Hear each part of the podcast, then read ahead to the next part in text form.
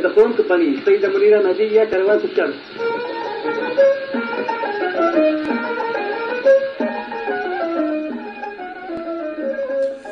أهلا بيكم في حلقة جديدة من عشوائي مع أحمد. ترى ترى إزيكم؟ عاملين إيه؟ الأول حابب أشكر جميع المستمعين القدامى والجدد اللي انضموا لينا في الفترة اللي فاتت.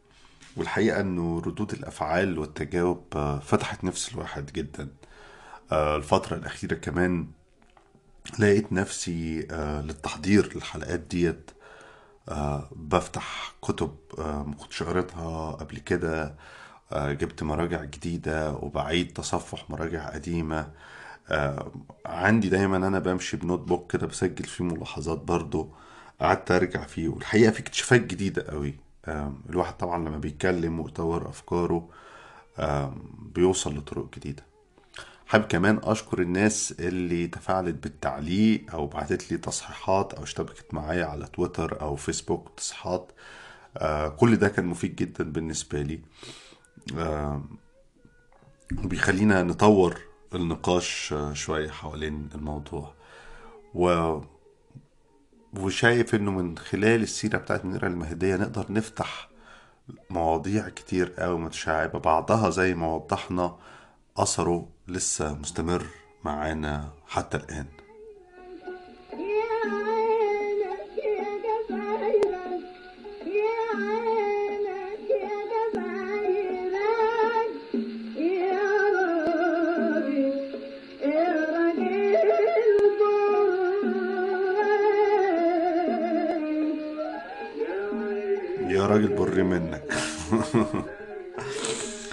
طيب إحنا وقفنا في الحلقة اللي فاتت حوالين زي ما قلنا ركوب منيرة المهدية للمسرح.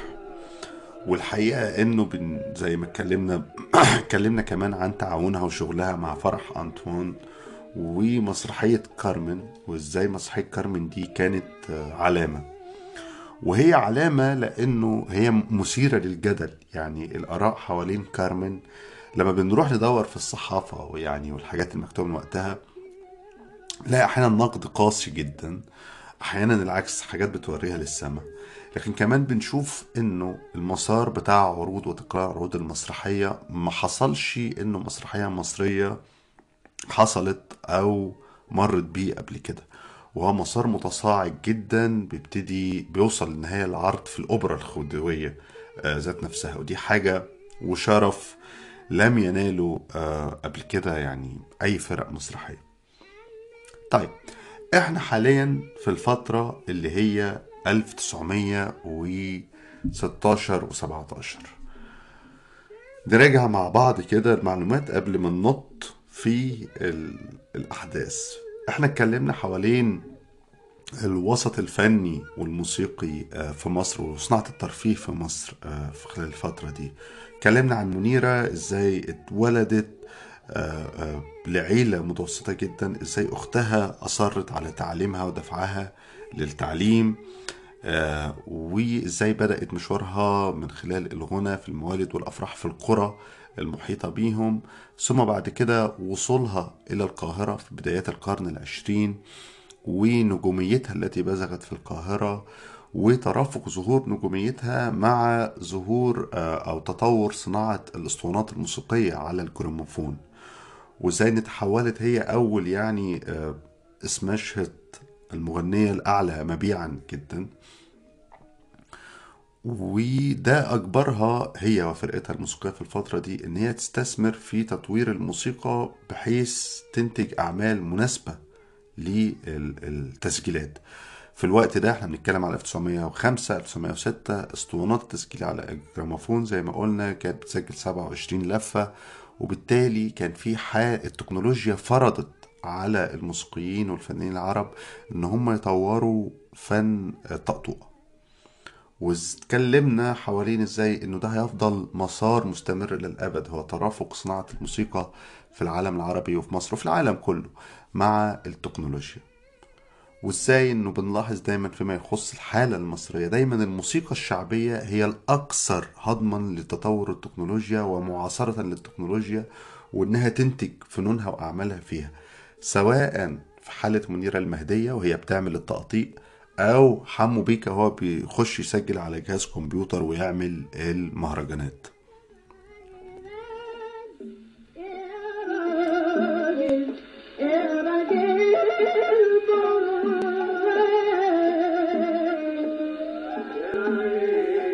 وبعدين كملنا في الحلقة التانية واتكلمنا حوالين طبعا شرحنا أبعاد إزاي إنه القاهرة في الوقت ده كانت عاصمة الترفيه مش بس يعني في الشرق الأوسط أو في مصر لكن في العالم كله لأن هي كانت محطة عبور للجنود الجنود اللي جايين من أستراليا ورايحين فوق بيقفوا في القاهرة والجنود الإنجليز النازلين ورايحين المستعمرات الهندية والآسيوية بيقفوا فيها. فهي كانت حركة جنود. وجيوش وتجارة وخطوط إمداد وإلى آخره وإنه ده ترافق مع توحش لصناعة الدعارة وتجارة الرقيق الأبيض آه، في القاهرة وقتها واتكلمنا حوالين الحادثة ال- ال- اللي اتحرقت فيها عدد من البيوت في الأزبكية وقرارات وقرارات الحاكم البريطاني قرارات الحاكم البريطاني في السيطرة على في آه، إنه قفل المحلات عند الساعة عشرة وامتناع عن تقديم الكحول وإزاي ده أثر على صناعة الترفيه.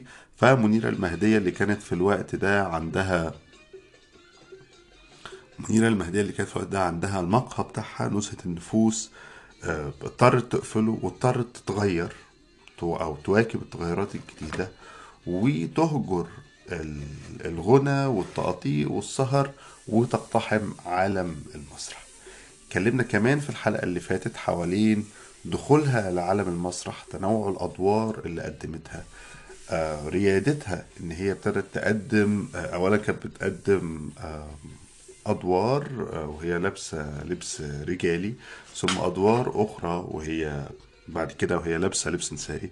وزي إنه كان ده حاجة متطورة جدا وحديثة وخارجة. واتكلمنا كمان حوالين تعاونها عن فرح آه، مع فرح أنطوان. كل دي كانت مقدمة طويلة قوي. أنا آسف الناس اللي بيتابعونا يعني بس قلت نبتدي بدي للمستمعين الجدد. ومن أراد أن يستزيد عنده الحلقات السابقة. بحب كمان قبل ما نخش في الحلقة أذكر بشكل خاص الداعمين آه، من خلال موقع Patreon. نور الدين حسين كريستوفر ستون آه، إسبرين آه، آه، ما- آه، ماريكا لونسكي عمر برادة فاطمة عمير آه، العزبي آه، بن كروبر ميري فؤاد علي السيد شريف منصور وخمس أشخاص. أوه ده ما عندوش خمسة. استنوا أنا بفتح دلوقتي يا ولاد. واو إحنا عندنا ست أشخاص داعمين جداد آه لم يفصحوا عن أساميهم. بنشكرهم كلهم وحابب أقول كمان إنه بدأت مؤخرا أحيانا بعض الحلقات الخاصة آه بنحطها على آه، بعض الحلقات الخاصة بنحطها على يوتيوب. آه، تاترا ترا فاصل ونواصل.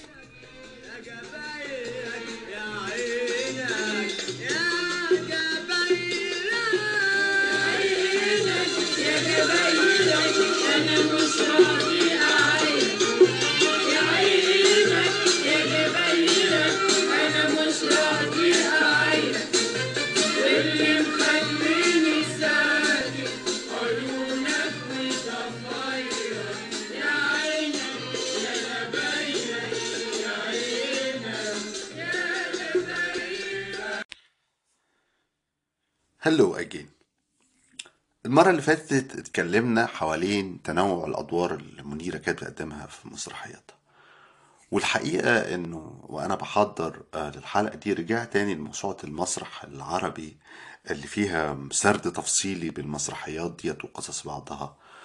و... واندهشت جدا جدا يعني. يعني أنت حاول تتخيل نفسك في الفترة دي 1917 آم، الحرب العالمية شغالة.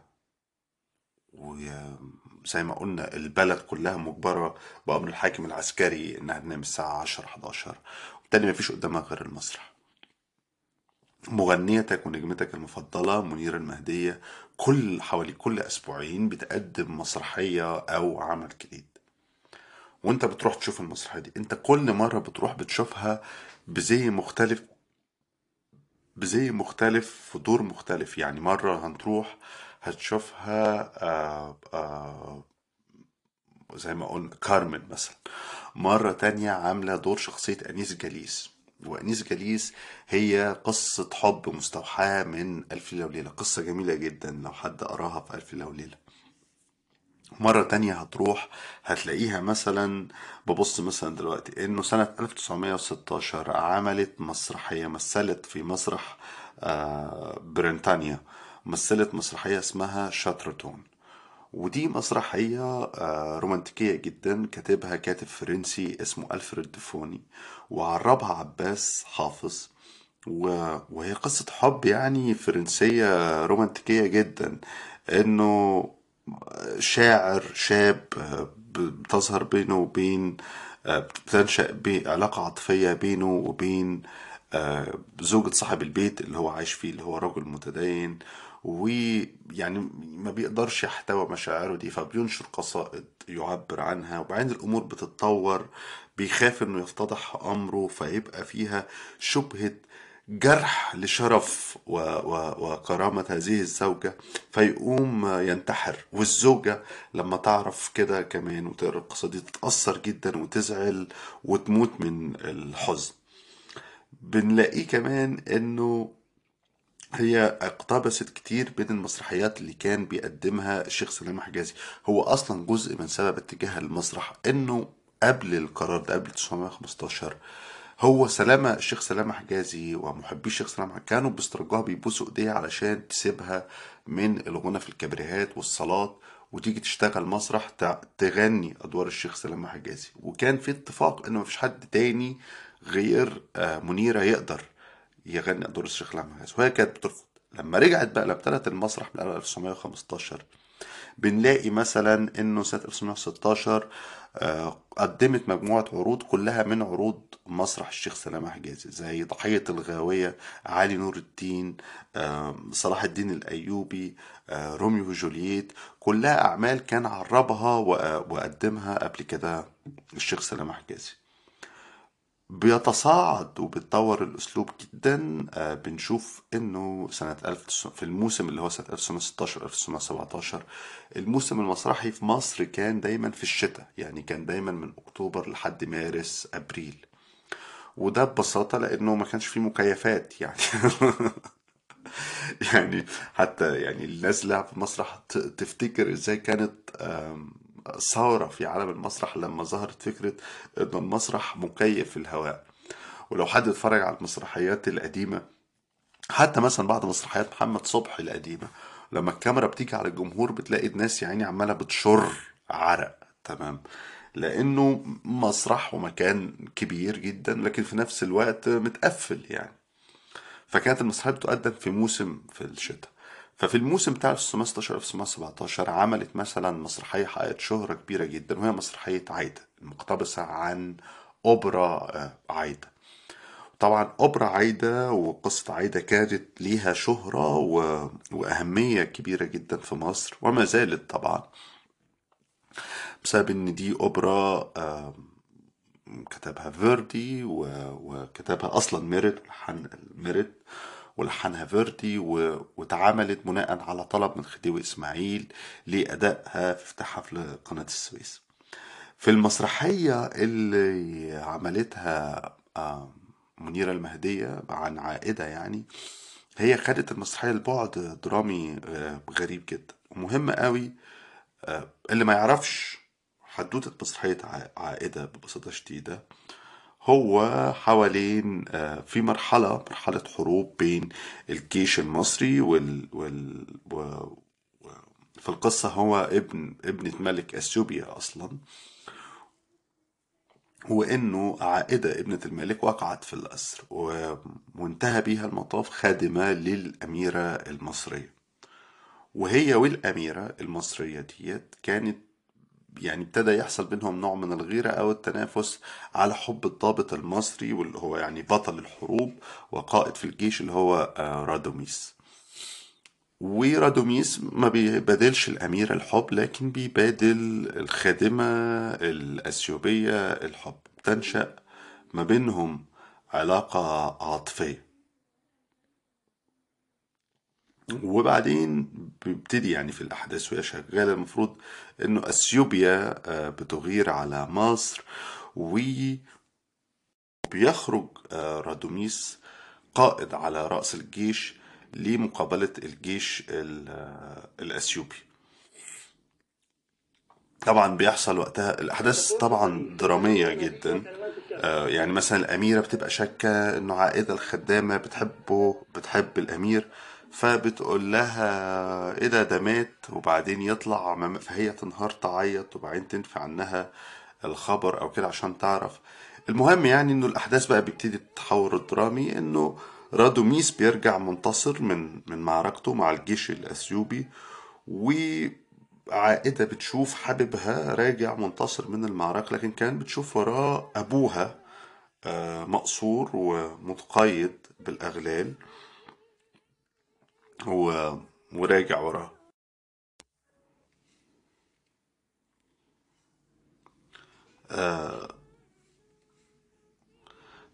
ف فبتطلب من الأمير إنه يحرر أبوها. الأمير بيوافق لكن رجال الدين وال... يعني بيشوفوا إن دي مخالفة كبيرة جدا. وتبتدي بقى تتصاعد يعني قصة الحب بين الأمير رادوميس وعائدة تنكشف وتتصاعد و... وملهاش حل. هي بنت الملك هو ما ينفعش يتجوزها وهو أسر أبوها آه، آه، بينتهي الموضوع بأن كمان أبوها بيطلب منها إن هي تعرف المفروض بيبقى في الجيش المصري هيطلع في حملة تانية يغير على أثيوبيا. فبيطلب منها إنها تعرف له الخريطة بتاعت الجيش المصري أو معلومات عن الجيش. فبتروح لرادوميس وبتصارحه بالحقيقة وبعدين هو بيقول لها على الطريق اللي هيسلكه الجيش لكن هم كمان بيقرروا إن هم يهربوا. يعني بيقرروا إن هم يهربوا بين مصر وأثيوبيا ويحبوا. لكن للأسف بتفشل خطتهم في الهروب وبي وبيت- وبيتم القبض على رادوميس ومحاكمته بتهمة الخيانة العظمى والحكم اللي بقى عليه هو سجنه في قبو وتركه يموت في هذا القبو. وعائدة بتسبق أو عايدة بتسبقه لهذا القبو وبتستخبى فيه وهما الاتنين بيقعدوا في هذا القبو المغلق وهيموتوا. طبعا يعني قصة حب زي حاجة كده زي أعنف حتى من روميو وجولييت وذات نهاية مأساوية. آه، لكن القصة كمان فيها لما قدمتها منيرة المهدية قدمتها آه، بتركيز قوي حوالين العلاقات المصرية ال- ال- الأثيوبية أو السودانية كمان. لأنه وقتها آه، الملك فؤاد يعني كان بيعرف نفسه إن هو ملك فؤاد وسيد آه، دارفور وكردفان وكردفان و... وكان بيتم وكان في دايما ومنيرة المهدية كانت مهووسة بموضوع ال- السودان ده وعندها أغاني كتير حوالين الموضوع ده. طبعا وقتها إحنا لسه الحرب ما خلصتش لكن مستقبل السودان وهل هي تابعة لمصر ولا تابعة لإنجلترا كان محل نقاش وده كان موضوع سياسي مهم جدا. ومنيرة المهدية مثلا عندها أغنية تانية اسمها آه، بتغنيها قدام هنتكلم عنها قدام في ثورة 19 آه، كانت بتقول إيه؟ لحظة كده. آه كانت الأغنية يعني بتقول في كوبليه أوعى الخرطوم أو حافظ على الخرطوم. طبعا في سياق الأغنية كان بيبدو إن المقصود الخرطوم اللي هو خرطوم المية لكن هي كمان كان فيها تلميح على آه، الخرطوم عاصمة السودان وعلى ضرورة التمسك والحفاظ بها مش التنازل عنها للإنجليز.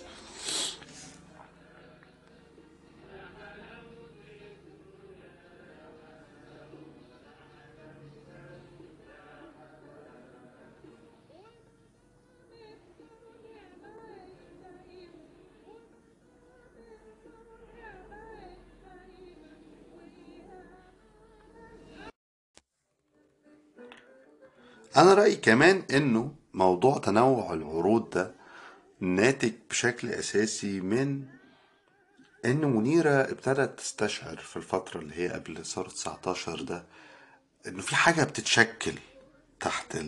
تحت السطح تحت سطح الحرب يعني في في نخبة آه، بتتواصل في أشكال من. في نقاشات مختلفة أسئلة الهوية آه، ازدادت. النقاشات حوالين إحنا فراعنة ولا عرب ولا مش عارف إيه ابتدت تطفو إلى السطح.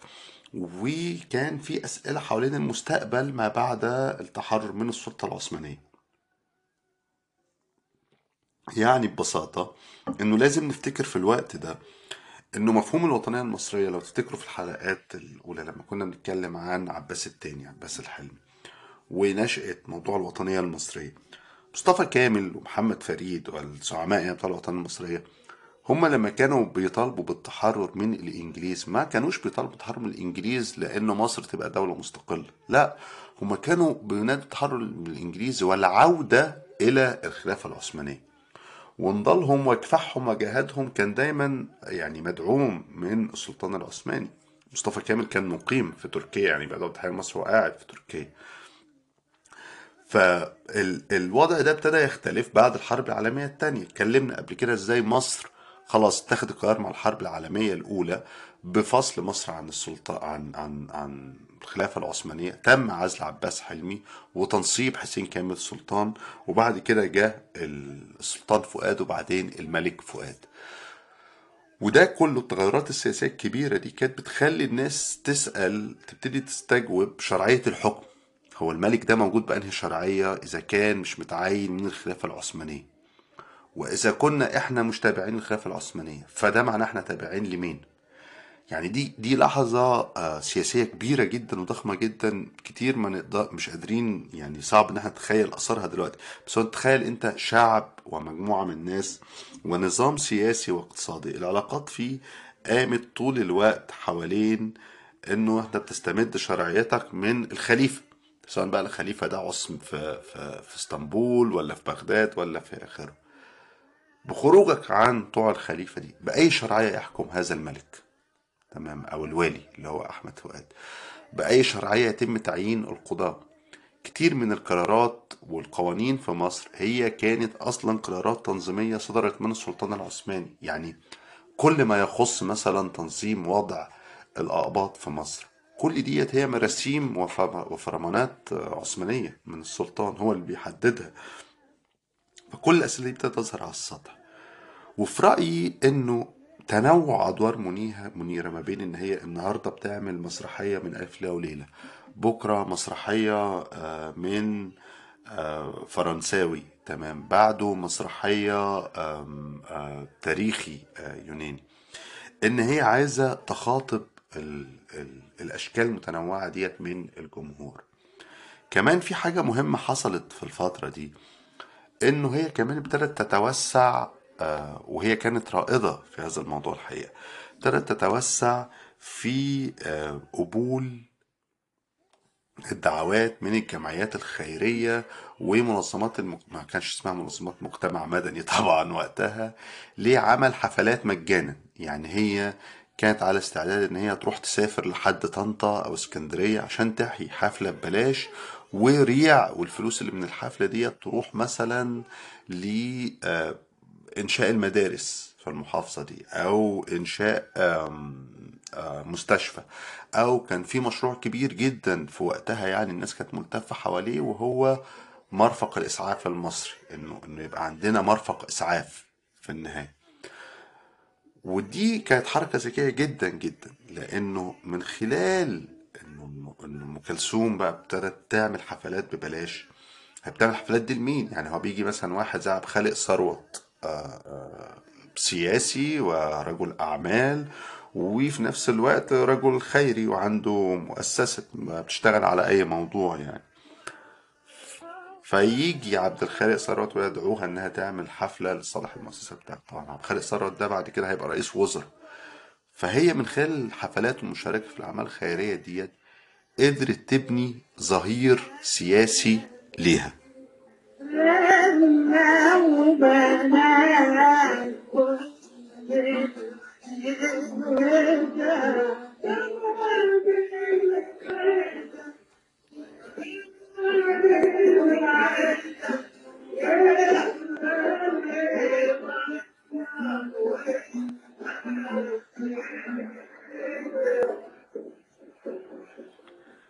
الحقيقة إن أنا شايف إنه مرحلة 1917 1918 هي مرحلة النضج مش بس الفني المنيرة المهدي النضج العقلي كمان. يعني هي بنشوفها إزاي بتبتدي في المرحلة دي تتحول من صورة الفتاة اللي هي اللي بترقص وتغني وتلعب في نزهة النفوس لفنانة. فنانة ب- بتبني فرقة موسيقية بتبتدي عروضها تتقدم تحت عنوان جوجة الست منيرة المهدية ومحمود جبر. محمود جبر ده وقتها اللي هو كان جوزها ومدير أعمالها. هنتكلم عنه الحلقة دي قدام شوية.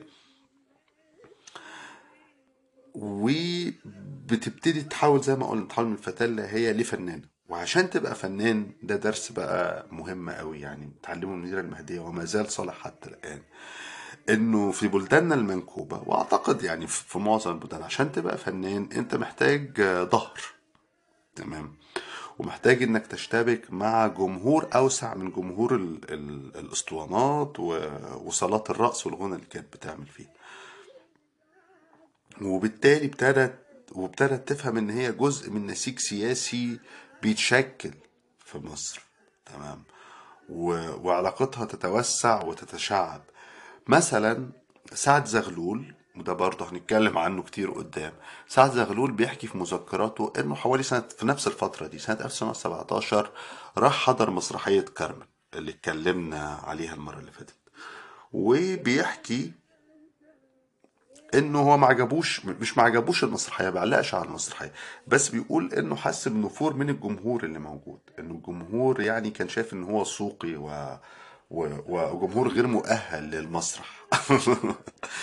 يعني طبعا دي حاجة متلازمة شهيرة. يعني الناس لما بتقول إيه إن المصريين غير مستعدين للديمقراطية دي أصلا كلمات سعد زغلول يعني. لكن هو يعني كان شايف سعد زغلول إنه الجمهور آه غير مستعد لل... لل... لل- للمسرح وما عجبوش الحال. قام وانصرف سعد زغلول وهو رايح الحفلة دي كان معاه مين؟ كان معاه إسماعيل صدقي عدلي آه، يكن عبد الخالق ثروت. التلاتة بعد كده هيبقوا رؤساء وزراء تمام مش مجرد وزراء هيبقوا رؤساء وزراء وهم الأعضاء الأهم والأقرب لسعد زغلول. آه، لما هيشكل بعد كده الوفد اللي هتوافد على استقرار مصر لما هيعمل حزب الوفد. وبيقول سعد زغلول يعني في مذكراته عن 1917 آم، إنه هو طبعا شايف إن منير المهدية ذات صوت ساحر جدا ورائع وفنانة كبيرة لكن كان عنده مشكلة في آه، سمعتها. سمعتها كست آه، لاهية سمعة العوامة بتاعتها حتى لدرجة إنه بيعلق تعليق أنا مش متذكره بس هحاول أجيبه من مذكراته المرة الجاية إن هو بعد حضورهم للحفلة دي هو بيمشي بدري من من العرض بتاع كارمن لكن أصحابه الثلاثه اللي هو بعد كده هيبقوا رؤساء وزراء بيروحوا يكملوا السهرة في العوامة بتاعت آه، منيرة المهدية. وهو مثلا ساعات كان شايف إن ده اوفر أو إنه ده خطر أو لا يليق بسمعتهم السياسية. لكن لكن كمان الحقيقة ما كانتش واقفة على سعد الزغلول يعني وشلته. بنلاقي مثلا إنه هي آه، في خبر هقراه لكم هنا يعني في خبر من الفترة دي عن منيرة المهدية. فبيقول لك إيه؟ السيدة منيرة المهدية هي صاحبة الأناشيد المطربة ورئيسة جوك التمثيلية التي أقر لها أهل الذوق والأدب بالمكانة العليا في هذين الفنين الجميلين. وقد حرقت عبرتها اليوم. عبرتها يعني اللي هو المسرحية. العمل هي عملته عاطفة إنسانية في هذه الضائقة الشديدة فأرادت أن يكون لها باع طولي في إغاثة المنكوبين بالفقر فتبرعت بليالي تمثيلية لبعض الجمعيات الخيرية. ابتدت بقى تعمل حتى مش مش إنها تستنى إنه الجمعية تبعت لها. هي بتقوم عاملة الليلة في مسرحها وتقول إنه عائد الليلة دي سوف يذهب ال- الاسعاف وكانتش بتفرق خالص يعني هي واحدة من القواعد الأساسية. عشان كده بقول لكم ابتدت تلقط الفايب أو الذبذبة بتاعت الفترة دي اللي بتتشكل. إنه هي عادي جدا هتعمل ليلة النهارده عائدها هيروح لجمعية الإسعاف. بكرة ليلة تانية هيروح لجمعية الروم الأرثوذكس. بعده ليلة تانية لجمعية خير المواساة الإسلامية. تمام؟ وهي بتتكلم يعني إن هي جاهزة ومستعدة لتلبية أي أعمال خيرية بشرط واحد. إنه آه، أن تخبرها الجماعيه قبل تحديد الم... الجمعية قبل تحديد الميعاد بعشرة أيام وإن المخابرة معها راسا بمنزل زوجها الفاضل محمود جبر بالفيلا نمرة 108 وفي مصر الجديدة. ال... القيم كمان أو التيمات الأساسية اللي كانت بتقدمها في مسرحيتها رغم تنوعها لكن إحنا لازم نفتكر دايما إنه ده وقت المسرح والعروض دي كانت تحت رقابة مش أي رقابة ده رقابة الحاكم العسكري الإنجليزي. وكانت بشكل خاص حوالين مثلا كان عندها مسرحية اسمها صدق الإخاء. مسرحية حوالين صديقان واحد بيموت ابنه بيضيع الثروة بتاعته فالصديق الأب يعني بيتدخل ويساعد الابن بس بشكل غير مباشر ليها زي القصة المعتادة بتاعت الصداقة والأمانة القديمة دي. جنب مثلا إن هي تعمل آه، مسرحيات زي ما قلنا كده مقتبسة من التاريخ أو الرومانسية أو أو أو قصص الحب أو في الموسم الأخير بقى اللي هو موسم 1917 1918 بيحصل حدث مهم قوي وهو حتى الآن هي عندها الجوقه التمثيلية بتاعتها لكن تروح تقدم العروض على مسارح أخرى أو بتسافر زي ما قلنا في الجامعات الاخريه لكن سنة 1918 في في, في يناير يعني بينتقل فرقة منيرة المهدية لمسرح مسرح ثابت وهو بيبقى معروف بعد كده باسمه دار التمثيل العربي. والمسرح ده كان مهم جدا لأنه المسرح ده أصلا أسسه الشيخ سلامة حجازي. واستوطنت في هذا المسرح وابتدت تقدم بقى عروضها المسرحية المتنوعة والدنيا ماشية زي الحلاوة. لحد بالظبط بالظبط الموسم المسرحي المهم جدا اللي هو من 1918 ل 1919 الحرب العالمية وضعت آه، أوزارها وسعد زغلول ورفاقه ابتدوا ينشطوا في ملف الاستقلال الوطني ومحاولة التفاوض مع الحاكم الإنجليزي. على شروط للاستقلال أو السيادة الوطنية. وبيحصل إن هي كانت بتقدم مسرحيات يعني كانت مستمرة في تقديم مسرحياتها العاطفية آه، بائعة التفاح آه، روزيتا العابسة بالرجال كلها برضو مسرحيات يعني قيم التضحية والوفاء أو الست الشرير اللي ربنا هيسخطها قرد في النهاية وإلى آخره. لكن بتقوم في لكن في وسط عروضها ديت بيتم القبض في فبراير مارس 1919 على سعد زغلول ورفاقه ونفيهم اللي هو النفي الأولاني إلى مالطا. وساعتها طبعا بتندلع بقى المظاهرات وأحداث ثورة 19 وقطع الخطوط الحديدية وإلى آخره. وبتبتدي وتبتدي منيرة المهدية فجأة تندمج في هذه الروح الوطنية الروح الجديدة. وتبتدي تغني لأول مرة أغاني وطنية عنيفة جدا وكبيرة جدا. وما كانش لسه عندها مسرحيات يعني تتفاعل مع الأحداث الجديدة. فكانت بتظهر قبل رفع الستار آه، لمسرحياتها ديت وتغني آه، أغاني وطنية وحماسية كبيرة جدا مهمة جدا زي طبعا أهمها أنا منيرة المهدية حب الوطن عندي غية. دي أغنيتي الوطنية المفضلة تما على الأبد.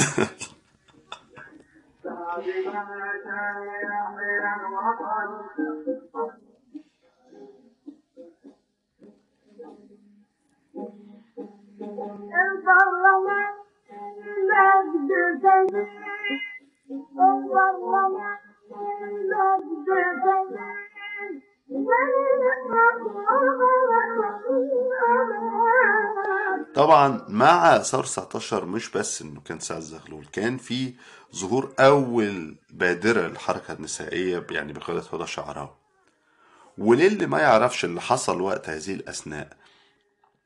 إن طبعا إحنا لما بنشوف في صورة ذهنية كده عن ثورة 19 كلها جاية من مشاهد تمثيلية عملها آه، حسن الإمام آه، في السكرية وبيت القصرين يعني. بس هي يعني مش مش مش صحيحة أوي يعني. في تصور حوالين إنه الستات كانت في ثورة 19 أو مش عارف إيه. الحقيقة يعني ده ده مبالغات عاطفية شوية. هو اللي حصل ببساطة شديدة أو, أو ظهور النساء في, في الأحداث دي إنه هدى شعراوي ولفيف من نساء المجتمع والعائلات الراقية كتبوا آه، رسالة احتجاج شديدة اللهجة. أنا بالمناسبة حاولت كتير أدور على الأصل بتاع الرسالة دي آه، معرفتش ألاقيه. يعني لو حد عمره اتكعبل فيه في أي كتاب أو حاجة يا ريت يدلني عليه أو يشير. كتبوا رسالة احتجاج شديدة اللهجة وعلى عنف القوات البريطانية ضد ال- المتظاهرين المصريين العسل وعملوا حاجة مدهشة جدا إن هم قرروا يعني طبعوا نسخ متعددة من الرسالة دي وقعوا عليها. قرروا يتحركوا في مسيرات نسائية في القاهرة عشان يسلموا الرسالة ديت آه، لكل السفارات الأوروبية والأجنبية اللي موجودة في مصر. فالمشهد كان صادم وجريء جدا على مصر وعلى المجتمع المصري وقتها. وهو عبارة عن إنه ستات ومش أي ستات دول يعني السيدات الأحرار الفاضلات الكريمات آه، آه، بنات العائلات الكبيرة يعني في مصر. ونازلين الشارع آه، شايلين يفط نازلين الشارع وشايلين يفط يعني داعمة للمظاهرة وداعمة لثورة السعد وماشيين وبيروحوا كل سفارة يخبطوا عليها ويدوها يسلموها يعني نسخة من البيان الاحتجاجي آه، بتاعهم. ولما بيعملوا ده طبعا الحركة كل ده هم هم ماشيين في الشوارع في القاهرة. في نوع من الاستعراض وال- والمظاهرة النسائية دي أولا أثارت الحماسة عند الناس المصريين الرجالة اللي هو يعني بالمنطق الذكوري المعتاد بتاع إيه ده؟ هو أنت ستات أحسن منك ولا إيه؟ ستات غيرين وبيحبوا الوطن ولا إيه؟ ومنيرة لقطت الخيط ده يعني هي في كل أغانيها الوطنية بتاعت الفترة دي اولا بتشدد جدا يعني لازم تقول اسمها في نص الأغنية. يعني إذا ما قالتش اسمها فهي بتتكلم بصيغة الضمير أنا. تمام؟ نمرة اتنين إنه بتتكلم وبتخاطب ال ال الستات والبنات. بالذات وبتحثهم على الخروج والإندماج والمشاركة في الحراك اللي بيحصل. فبالتالي هنا عشان كده بقول لكم إنه هي مش بس الموضوع إنه هي بتغني سعد زغلول ويا بلح زغلول والكلام ده لكن لأ هي لقطة حراك اجتماعي وسياسي أوسع جدا آه، بيظهر وبتشتغل على دعمه وإن هي تكون جزء منه ومعبر عنه.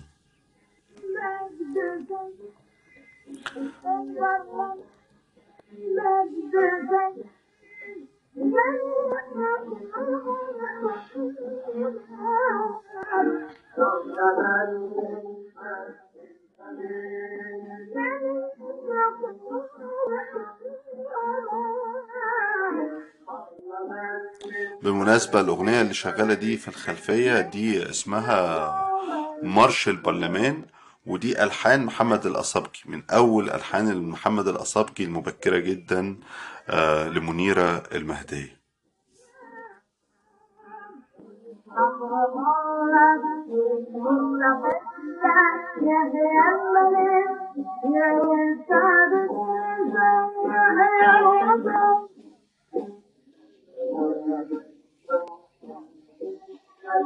They want us to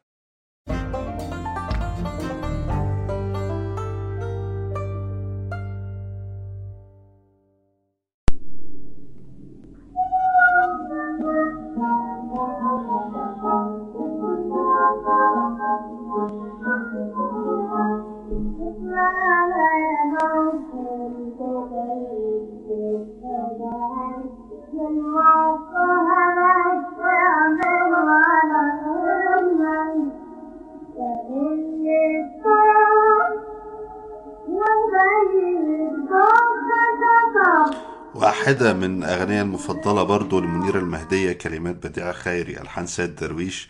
وهي آه، اشمعنى يا نخ الكوكايين كخة حد ما يعرفهاش هي اشمعنى يا نخ الكوكايين كخة ده أكل المخ خلقنا اعمل له على غيرنا رايح للطخ وجاي يطبخ. هو أنت شركنا حتى في مناخيرنا إيش عرفك أنت يا دونكي؟ وأغنية جميلة جدا أنا بحبها بحبها أو بعدين مثلا فيها كوبليهات آه، يقول لك إيه ولا خمسة جرام ولا عشرة جرام بيقضى أخوك. وحوش. يعني الناس دي زمان كانت وحوش في الشد. ولا خمسة جرام ولا عشرة جرام بيقضوا أخوك. ده أنا شطب على ميت فابريكا. مش غايته الجيب هينفض. إيه يعني؟ المخ يأكسد. إيه يعني؟ نشم أبيض يطلع أسود. طبعا هنرجع لل- للنوع ده من الأغاني وشغل منيرة في هذا السياق. لكن أنا ليه ابتديت بالأغنية دي؟ إنه هي كانت بتغني الأغنية دي ممكن الأغنية دي كانت تتغنى في نفس المسرحية. المسرحية هتبتدي وهي بتغني آه، يعيش سعد باشا ويحيى الشعب والشعب ويا بنت النيل قومي وانزلي وكافحي. ومعاها في الأغنية هتغني زي دي. اشمعنى نخ الكوكايين كخ؟ وهتغني عن الغرام وهتغني عن آه، خد البزة ونام وهتغني كل شغل الهمبكة والرهز والفرفشة وإلى آخره. ودي حاجة مهمة جدا لأنه هي كمان آه مؤيدة للثورة والحركة النسوية لكن هي بنت الحركة الفنية المصرية في بداية القرن العشرين اللي هي كانت حرة جدا فوضوية جدا بوهيمية بال- بالمعنى الكامل آه، للبوهيمية الأهم الحقيقة من إنه الأهم الحقيقة من إنه ابتدت تغني يعني الأغاني الوطنية اللي هي عاملاها هو إنه في الفترة دي اللي هي ألف الموسم الفني اللي هو 1920 1900 1919 1920 تحديدا تحديدا أكتوبر ونوفمبر 1919 منيرة بتعمل الثورة الحقيقية الثورة الفنية في المجال. لازم نفهم إنه الوقت ده المنافسة المسرحية كانت عنيفة وشديدة جدا جدا جدا. بمعنى إنه من ناحية كان عندنا المسرح ال... يعني يعني كان عندنا اولا فنانين المسرح الكبار. يعني عزيز عيد وده حد برضه ممكن نعمل عنه حلقات لوحده. عزيز عيد اللي هو كان مخرج وممثل وفنان كانت فرقته المسرحية. كان عنده روزا اليوسف نجمة مكسرة الدنيا. تمام. نجمة شابة وأصغر كتير من منيرة وممثلة جاية من عالم التمثيل أصلا. وفرقة ناجحة جدا يعني. هو ده أول واحد قدر يمسك ما بين إنه يعمل فن مسرح كفن وترفيه. وكان عندك ملوك بقى الكوميديا علي الكسار ونجيب الريحاني اللي اتكلمنا عنهم آه، في الفترة دي. وكمان كان عندك أجانب كتير بيتعمل لهم آه، مسارح. لكن مع نهاية الحرب 1919 آه، آه، وجود الأجانب في مصر قل. الجنود البريطانيين وجودهم قل. الجنود الأستراليين وجودهم قل. والجنود الإسرائيليين دول مهمين جدا. لو حد قرأ في الثلاثية بتاعت نجيب محفوظ هنلاقي إنه يعني نجيب في واحدة من أعنف الفقرات السردية عنده بيكيل الشتائم آه، واللعن للجنود الأستراليين دول وسلوكهم العنيف والغليظ والتخريبي آه، أحيانا. لكن المقصود إنه مع هج إنه الحرب ابتدت تضع أسوارها وحركة الجنود ابتدت تقل والناس ترجع بلدانها. فالأماكن كمان والمسارح اللي كانت بتقدم عروض للأجانب والجنود الإنجليز والأستراليين دول ابتدت تبص للجمهور المحلي. وشايفة إنه في نخبة وطبقة وسطى محلية بتصعد. فابتدت تهتم بتقديم أعمال ليهم ابتدت تستقطب لده الفنانين. فنانين مصريين زي انه إنه تيجي واحدة ست مثلا كان في مسرح اللي هو اسمه باريس أو دوباليا باريس أو حاجة شبه كده. وهو كان مسرح مختص بت- بتقديم يعني حاجات أجنبية جمهور أجنبي. فهو يبقى ده المسرح اللي هيستضيف عزيز عيد وفرقته لتقديم عروضها أنا بقول كده عشان نفهم إنه إزاي المنافسة كانت شديدة جدا. وبعد شوية منيرة في وسط كل ده هي ابتدت تحس إنه الجمهور اللي بيجي لها بيجي لها آه بس بيجي لها بالاساس عشان صوتها.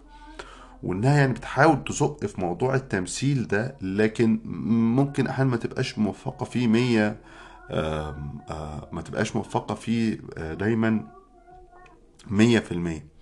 فابتدت تدور على آه، طريقة إن هي تخرج من الأزمة دي. وساعتها بتلتقي مع سيد درويش ومحمد يونس القاضي.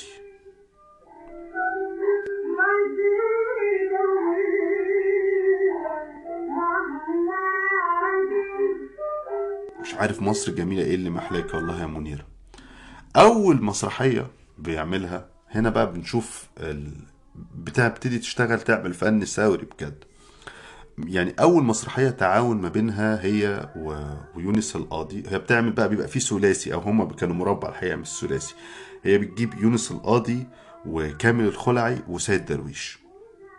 وأول مسرحية بتعملها ليونس القاضي هي مسرحية اسمها آه كلام في سرك. تمام. وديت زي ما في موسوعة المسرح العربي مكتوب من تأليف الشيخ محمد يونس القاضي تلحين كامل الخلعي ديكور ميسيو لوريه رسام الأوبرا ومن تمثيل منيرة المهدية أحمد فهيم عبد المجيد شكري أحمد حافظ منسي فهمي آه، أبريز إستاتي إستر شطاح وردة ميلان جميلة سالم زكية إبراهيم لطيفة أمين زاهية لطفي. والمسرحيات دي بقى اللي بيكتبها محمد يونس القاضي بتبقى فيها رسائل واضحة جدا. يعني هي المسرحية مثلا دي اللي هي كلام في سرك هي حوالين آم يعني الرسالة بتاعتها إنك تشجع المنتج المصري وتقاطع المنتج الأجنبي. واللي هو المقاطعة كانت سلاح أساسي وفعال جدا وقتها ضد الاحتلال البريطاني. تاني مسرحية اللي هي بقى كسرت الدنيا وكانت بداية انطلاق ما ما الثلاثي ده منيرة المهدية ونيس القاضي وسيد درويش هي مسرحية اسمها كلها يومين. والمسرحية ديت قصتها آه، آه، لطيفة جدا وهتوضح لنا يعني الشغل طبعا آه، تاني المسرحيات ديت كانت لازم تعدي تتعرض على الرقابة والرقابة الإنجليزية تنصر فيها والحاكم العسكري والجيش وإلى آخره. فيونس القاضي كان مضطر يعمل المسرحيات متدارية كده مت- متكفنة. المعاني اللي هو يقصدها متكفنة متلبسة تلبيسة تانية والمسرحية اللي هي عجيبة أوي الحقيقة هي بتدور حوالين إنه في واحد اسمه سعيد وده طالب طب وعنده أخت اسمها منيرة. أبوهم وأمهم ماتوا سابوا لهم يعني آه، فلوس فهم عايشين ميسورين الحال. تخدمهم واحدة آه، أجنبية اسمها ماري وأبوها الخواجة ماركو. تمام؟ وعندهم عم شاهين اللي هو البواب المصري رمز ابن البلد. وفي جارهم الدكتور زكي. لاحظ إن الشخصيات المسرحية المصريين هم كلهم طلبة وأساتذة طب آه، صفوة. اللي هو كمان بتعكس زي ما بقول لكم كده شريحة الطبقة الوسطى الجديدة اللي ابتدت مش بقى بس بقى بتتشكل. ده ده هي الشريحة الطبقة الوسطى دي عايزة تنهض وعايزة هي تبقى المالكة للبلد وسيدة قرارها وبتحكم. كل طبعا من خلال البرلمان والانتخابات وإلى آخره. المهم المسرحية يعني إنه الخواجة ماركو بيسلط بنته ماريا علشان تغوي سعيد وسعيد بغرض الزواج منه إن هي يعني بتاخد الفلوس. وبعدين لما بيفشل هذا المخطط فبيولع في البيت بتاعهم فيتحرق ويتحرق الوثائق التي تثبت ملكية سعيد للبيت. وبعدين الخواجة ماركو يسلفه فلوس وياخد منه الفلوس. يعني انه إنه هي في النهاية وبعدين الخواجة ماركو ده ابتدي يوقع ما بينهم. يعني يروح لشاهين يقول له ده سعيد ده بيقول عليك كذا ويروح لسعيد يقول له أختك بتقول عليك كذا. وابتدي يوقع بين المصريين كلهم لحد ما ياخد آه، آه، هو البيت والعمارة ويطردهم كلهم آه، من دارهم. يعني ببساطة شديدة الخواجة الأجنبي بيطرد المصريين من دارهم وبتنتهي المسرحية إنه بعد فترة بنشوف إنه يعني سعيد بيبقى اللي هو بعد ما كان طالب طب واقف بيبيع فول وطعمية. وأخته اللي هي من... اللي هي كانت بتا- بيقوم بدورها بنور المهدية بتقف تبيع الزبدة. وشاهين اللي هو كان بواب العمارة خلاص واقف بنصبة شاي وقهوة. وبعدين بيقرروا إن هم يتحدوا مع بعض ويشكلوا وفد ويروحوا علشان يرفعوا قضية على الخواجة ماركو علشان يستعيدوا بيتهم. طبعا المسرحية مش بس بتحقق نجاح شهير ومش بس مسرحياتها اللي هو بعد كده بتعمل كذا عمل تاني آخر مع سيد درويش ومحمد يونس القاضي. وسيد درويش بيلحن لها ألحان آه، كتير جدا. لكن آه، لكن بيبقى ده هو الفن الثوري اللي بيجتذب كمان آه، الأفندية اللي هم بقى مندمجين في في ثورة 19 ومع سعد زغلول ومع حزب الوفد. والحياة السياسية بتبتدي تتشكل في مصر وفي دستور بيتكتب. ومنيرة وسيد يونس القاضي بيقرروا إنه لا إحنا مش هنعرب مسرحيات ولا هنقعد نعمل أعمال آه، تاريخية قديمة. لكن هو هيعمل أعمال تشتبك في هذه اللحظة. يعني على رأي الفنانة المسرح الخالدة وقت ثورة يناير لا وقت للفن يعني.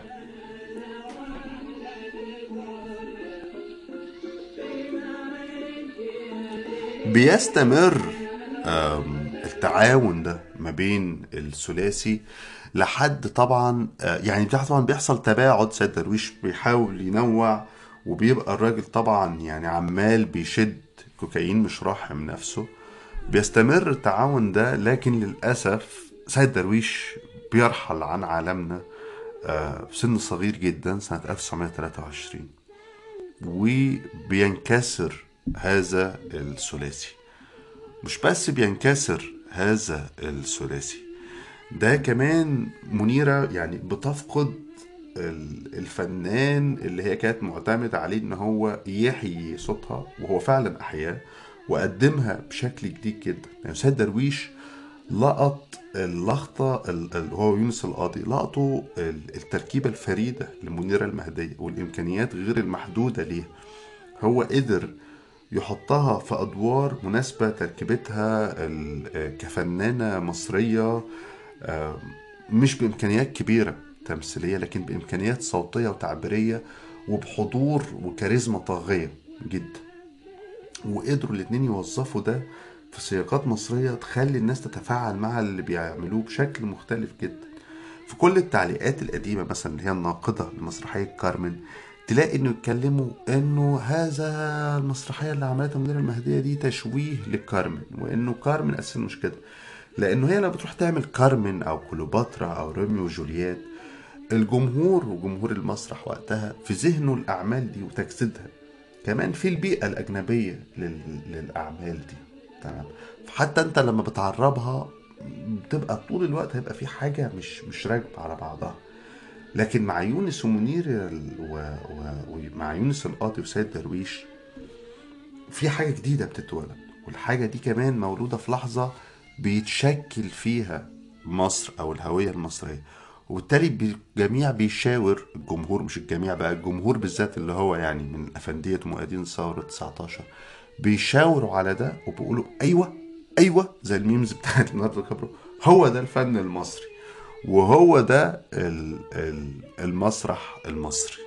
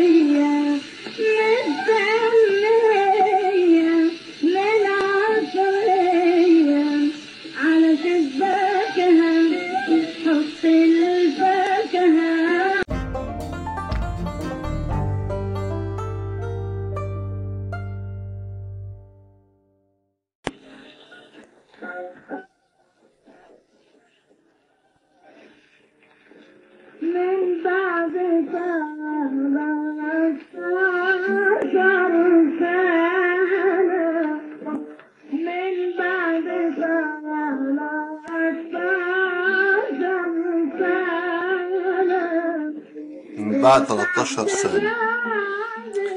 الأغنية دي ليها حكاية مرتبطة بال... بالمرحلة اللي إحنا بنتكلم عليها اللي هي 21 بقى 22 المرحلة ديت آه علشان نفهم اللي حصل فيها لازم نرجع بدري أوي. في الفترة اللي منيرة يعني بداية 1910 أعتقد 1911 آه هي بتتعرف بواحد مما كان يوصف بهذا الوقت بأولاد الزواد وهو محمود جابر إحنا اللي بنعرفه عن محمود جابر إنه كان يعني من أثرياء آه، الريف وكان عنده أراضي وأطيان ونزل مصر وتعرف على منيرة المهدية وبتنشأ ما بينهم علاقة حب تكلل بالزواج. بعديها محمود كابر بيتحول بس مش بس إن هو زوج لكن كمان مدير أعمال لمنيرة المهدية وهنا بقى بتنشأ العلاقة اللي هي مش بس كانت عن منيرة المهدية عن عن معظم النجمات بتوع الفترة دي اللي هو الزوج بتحول في نفس الوقت لمدير أعمال. الحقيقة إنه محمود كابر جبر آه لعب دور مهم قوي في مسيرة منيرة المهدية يعني مثلا لما قرارات الإغلاق 1915 حصلت وهي كانت عايزة محتاجة إنها تعمل النقلة من كونها مغنية يعني صالات وكابريهات لإن هي آه، ممثلة مسرح ما كانش معاها فلوس إنها تبتدي الفرقة. فكان محمود جبر هو اللي استثمر الفلوس دي وتحول هو كمان يبقى مدير الفرقة. هو كان مسؤول الحاجات المادية والإدارية وهي مسؤولة الجانب الإبداعي أو الفن وحتى آفيشات يعني أو إعلانات المسرحيات في في الفترة دي كانت بتروج بهذا جوجة جوقة منيرة المهدية ومدير الجوقة محمود جابر جبر كان بيوضع اسمه على البوسترات. تستمر العلاقة ديت آه، لحد بنبتدي من سنة 21 بيبتدي واضح قوي إنه الخلافات آه، تعاظمت ما بين الاتنين. مش معروف قوي أسباب ال- التعاظم يعني لكن بشكل واضح إنه كان في حاجة مادية. راف و- وحتى رتيبة يعني بتتكلم حوالين إنه هو هي كانت شايفة إن هو ابتدى ياخد من فلوسها آه، هي. وبالتالي منيرة بتخش في خلافات آه، ضخمة جدا معاه حتى إنه بيبتدي حتى إنه في موسوعة المسرح العربي بي- بنبتدي من 21 انه إعلانات العروض المسرحية اللي بتقدمها جوق منيرة المهدية آه، آه، الخلافات بتتسع ما بين الاتنين فيبتدي إن هو بتقدم عروض مسرحية بدون وجود منيرة المهدية. يعني منيرة المهدية ما عادش بتنزل تشتغل معاه بترفض إن هي تشتغل معاه و... وده بيخليه هو يدور على ش... آه، وجوه فنية تؤدي دور منيرة المهدية. وهنا بتبتدي تظهر النجمة المطربة الكبيرة فتحية أحمد اللي هي بتبتدي بعد كده تعيد الفرقة بتعيد تقديم مسرحيات آه، وأعمال منيرة المهدية السابقة لكن بدل منيرة المهدية فتحية أحمد اللي بتغني الأدوار. منيرة بتستغرق جدا في الخلافات دي. وحتى إن هي باستمرار بعد كده في مذكراتها لما بتتكلم عن الفترة دي بتقول دايما إنه دي يعني كانت آه، آه، أسوأ فترة في حياتها يعني. ونتيجة الخلافات دي هي لدرجة إنها بتطفش من مصر. يعني بت- بتسافر آه، سوريا وبتقدم مجموعة من العروض في سوريا ولبنان. بتروح فترة كمان تقعد في بيروت و... وبتقعد بتطول في بيروت بتقدم عروض مختلفة جدا انها بقت بعد فترة جزء يعني من.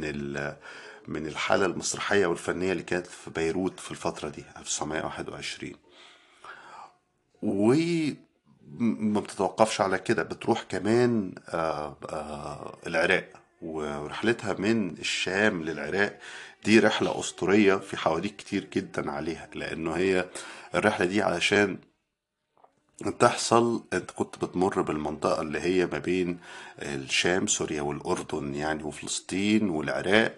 دي كانت منطقة خارج نفوذ أي السلطات الموجودة في الفترة ديت. كان فيها عمليات آه، قطع طرق وعمليات عنف. فمنيرة المهدية بتحكي يعني عن سفرها في الفترة دي إن هي سافرت وهي جابت مسدس. جابت مسدس وجابت شنطة رصاص وسافرت مسلحة يعني. وفي العراق بيتم الاحتفاء بيها بشكل كبير جدا آه، بتاخد هدايا وفلوس ومجوهرات وبتقدم عروض وبتغني. معظم العروض كمان يعني كانت مسرح بس هي بتعيد تقديم زي ما نقدر نقول إيه سكتشات من المسرحيات دي. ولما بترجع مصر بتفضل مصممة على الانفصال على آه، محمود آه، جبر. وبالتالي ما كانتش بتمثل مصر كانت بتغني. وابتدت تغني ترك لما رجعت مصر ابتدت تغني. لكن كمان مصر بقى كانت اتغيرت تماما. هنتكلم بقى على 23 24 1923 24 اولا في مغنيين ومغنيات شابات ابتدوا يظهروا. أم كلثوم نزلت مصر. و- وأم كلثوم. إحنا اتكلمنا في الحلقة الأولى حوالين الفرق بين نموذج أم كلثوم ونموذج منير المهدية. وأم كلثوم كمغنية أفندية يعني جاية بتغني بقى آه، آه، قصايد قديمة ومعاها أحمد رامي بيكتب لها كمان شعر ومعاني يعني راقية وملائكية وإلى آخره. فتحية أحمد نفس الحدوتة في وجوه كتير. منيرة لما بترجع كمان ما ينفعش بقى ترجع تغني في الصالات والكبريهات اللي كانت بتغني فيها. فبنلاقي مثلا إن هي لما بترجع في الفترة دي 23 24 بتبتدي تغني مثلا في مقهى ريش. بيبتدي يظهر أماكن جديدة للخروج والليل وكده. آه وبدل لو تفتكروا في الحلقة الأولى كنا بنتكلم إزاي المسارح وصالات الغنى دي آه كان بيحصل فيها كل حاجة. يعني كل الفقرات. أنت بتخش بتلاقي آه منيرة المهدية هتطلع تغني شوية وبعدين في رقاصة بلدي هتطلع ترقص وبعدين واحد ساحر وبعدين واحد يطلع يعمل نكت وأي حاجة ممكن تحصل. آه، يعني لدرجة إنه كان في زي ما قلنا كان في حدوتة شهيرة إنه مثلا واحد تخش المسرح تلاقي واحد بي بي بيلف بين الزباين بحمار والزباين يركبوا الحمار وجوه المسرح كل ده.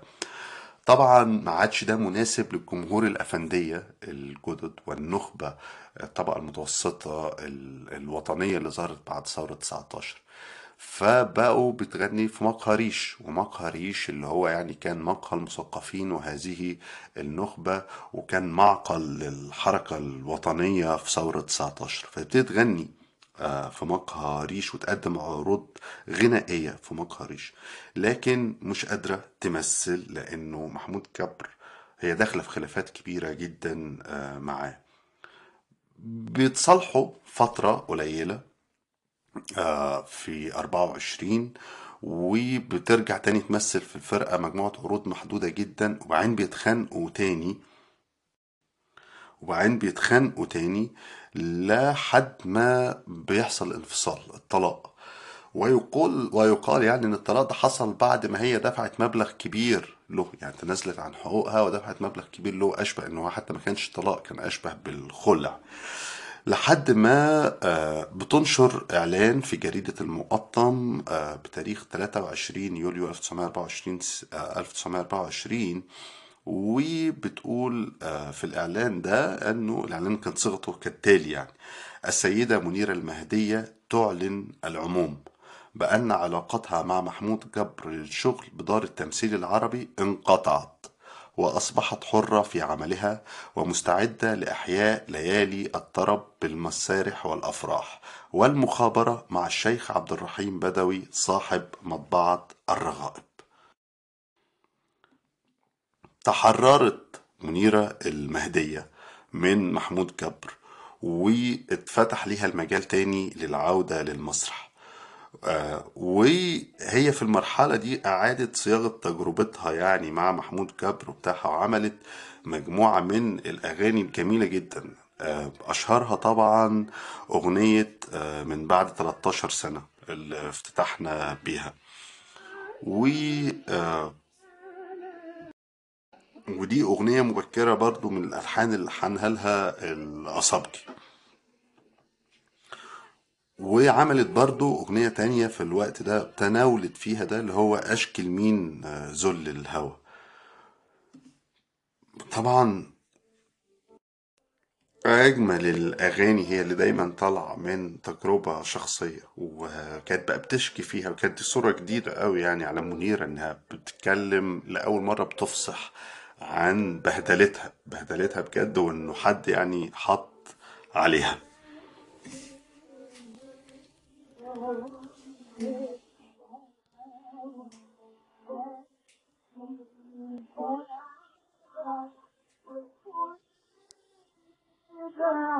عودة منيرة بقى للمسرح ديت كانت فيها إشكالية لأن هي شافت إنه نجاحها الكبير في المسرح حققته مع سيد درويش ومحمد يونس القاضي. لكن سيد درويش مات.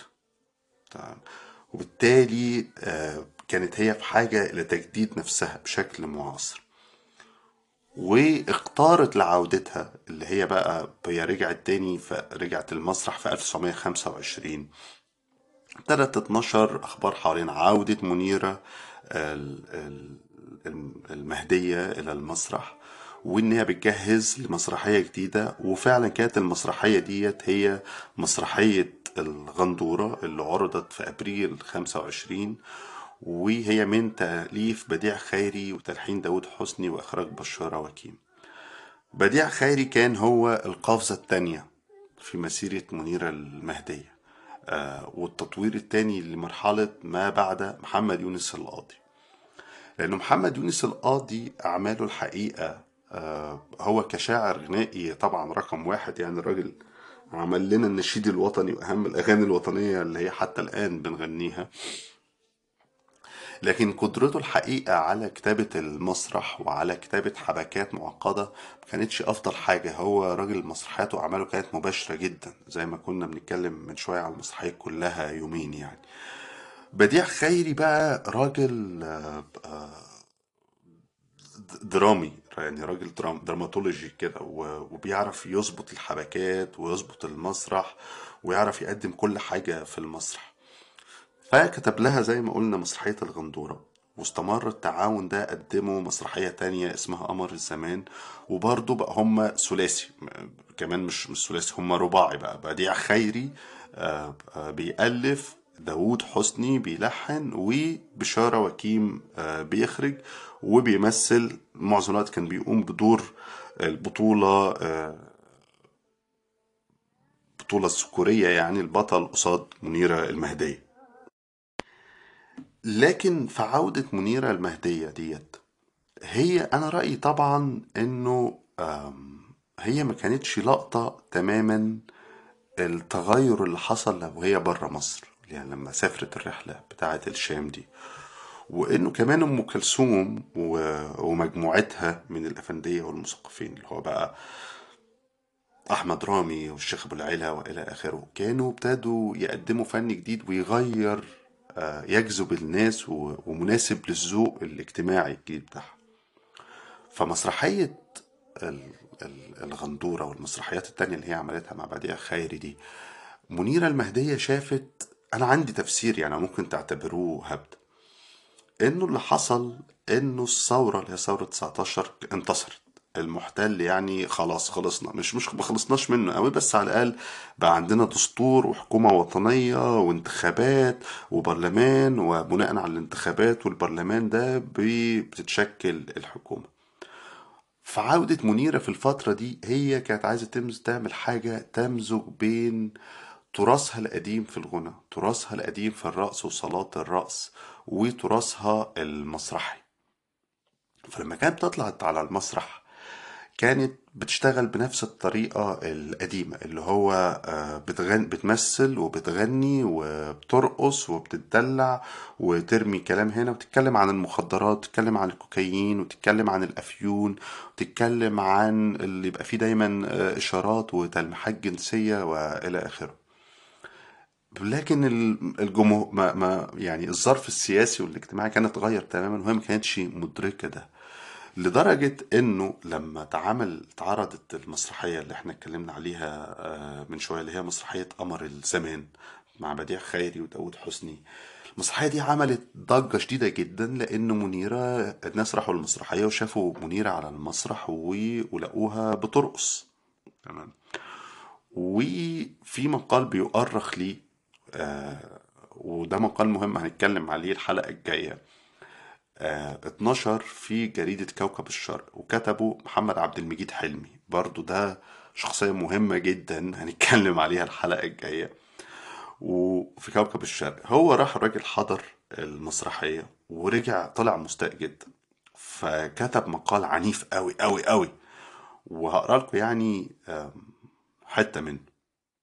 هو بيقول إيه أستاذ محمد حلمي؟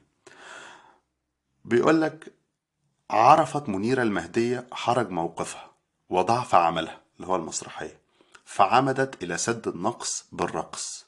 وهكذا بلا مناسبة أيضا ينقلب المسرح إلى مرقص والجمهور يصفق على نغمة الهز وهي تضحك. أوليس ما تفعله السيدة منيرة مفسدة للأخلاق وداعية لانتشار الرذيلة أقسم أنه لم يبقى من فرق بين مسرحها وبين البراد إلا أن تنزل إلى الجمهور لتلم النقطة. ولنعد إلى السيدة منيرة كممثلة على المسرح فهي لا تصلح مطلقا للتمثيل فإنها جامدة كل الجمود على المسرح ولا شيء فيها غير رفع يديها بين كل كلمة وأخرى كالنساء البلدي. أما صوت السيدة منيرة وهو بضاعتها الرابحة وكل تجارتها في معرض التمثيل فيحزنني جدا أن أقول أنه بدأ في الخفوض وأخذ يضعف تدريجيا حتى أن البحة التي كانت تعجب الجمهور قد أصبح قد أصبحت أشبه شيء بحشرجة المسبوح أو نغمة المسكوم. سفاح. اذهب إلى أي حفلة من الحفلات التي تحييها الآنسة. أم كلثوم. وأسمع هناك الصوت الملائكي الذي ينبعث من قلب حساس يشعر بما في الحياة والنغمة السماوية التي تسترسل من نفس من نفس جياشة بالأمل وفتوة الشباب. الصوت الذي يخرج من حنجرة أم كلثوم ذي أوتار عدة فيرن في جو المكان رنين الذهب الخالص. ويتمشى مع. ويتماشى مع فن الطبيعة.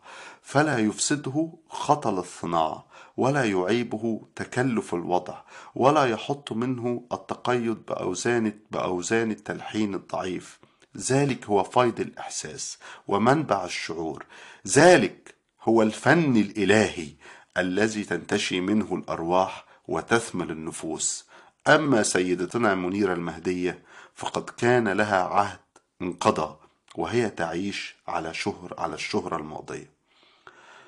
هجوم طبعا كاسح ومش بس هجوم على المسرحية ده هو كمان بيرمي إنه أنت خلاص زمنك خلص وفي الصوت الملائكي الصوت الإلهي أم كلثوم آه، يطلع. استمر الهجوم ده والمقالات بقى العديدة اللي بتنقض اللي يعني بتنقد مسرحياتها مع بديع خيري في الوقت ده لا تعد يعني برضو نفس كل وكلها يعني بتوصف إنه هذا رقص خليع ولا يليق وإنه المسرح هذا تأمه العائلات إزاي هي الست ترقص. وبناء عليه وبناء على الاعتراض ديت بيحصل إنه حكمدار العاصمة بيصدر أمر بأمر بإبطال المسرحية. وحسب الخبر المنشور في آه، آه، مجلة التياترو وال... وال... يعني تفصيله منشور في موسوعة المسرح العربي إنه بسبب فقرات الرقص هذه هذه أمرت حكمدارية العاصمة إبطاله في هذه المسرحية وقام بتنسي... بتنفيذ الأمر الصاغ محمد مدبولي صفا مأمور قسم الأسبكية. يعني منيرة المهدية اللي غنت في الموالد والأفراح ومشت على رجليها في طين الدلتا لحد يعني ما رجليها اتشققت. وبعدين دخلت القاهرة أميرة متوجة نجمة وصاحبة ملك وعندها مسرحها بنت يعني في ظرف سنوات قليلة بقى عندها مكانها صاحبة ملك يعني. واللي عصرت القاهرة تحت الاحتلال وتحت وجود الجنود الأستراليين والبريطانيين والهنود في عاصمة الترفيه اللي عصرت القاهرة وهي مدينة عامرة بالمجون والهمبقة والرقص والفن والتنوع. واللي قدرت تتعامل ونجت من آه، رقابة الحاكم العسكري. واللي زي ما قلنا في الحلقة الأولى مثلا مقاها نهزة السفون كان هو يعني متنفس الحرية في البلد. قدرت تتحمل كل ده. وفجأة أول ما البلد حققت سيادتها الوطنية أو قدر من سيادتها الوطنية فكانت النتيجة إنه لأول مرة يتمنع لها مسرحية في ظل الحكومة الوفدية وفي ظل دستور 21 وفي ظل السيادة الوطنية. تكرار تكرار تكرار لما سوف يستمر من بعد كده. انه كل ما زاد استقلال انه انه انه كل ما زاد نغمة الاستقلال ال- الوطني والسلطة استخدمت هذه النغمة بيجي ده على حساب تقييد حرية الناس وحرية العمل الفني حرية الرأي وحرية التعبير. وبالتالي كان أول قرار لإغلاق مسرحية لمنيرة المهدية. المأساة المعتادة يعني.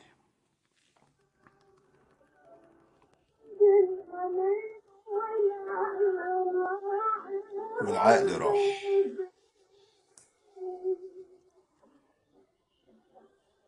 شكرا لكم هنوقف هنا عند تدخل الرقابة وإيقاف مسرحية منيرة المهدية. في نفس الوقت ظهور نجم أم كلثوم. الحلقة الجاية هنتكلم حوالين مثلث الرعب بقى نشوف مثلث الرعب. منيرة المهدية محمد عبد الوهاب أم كلثوم وما كان وما سيكون. شكرا لكم مرة تانية وتترا ترا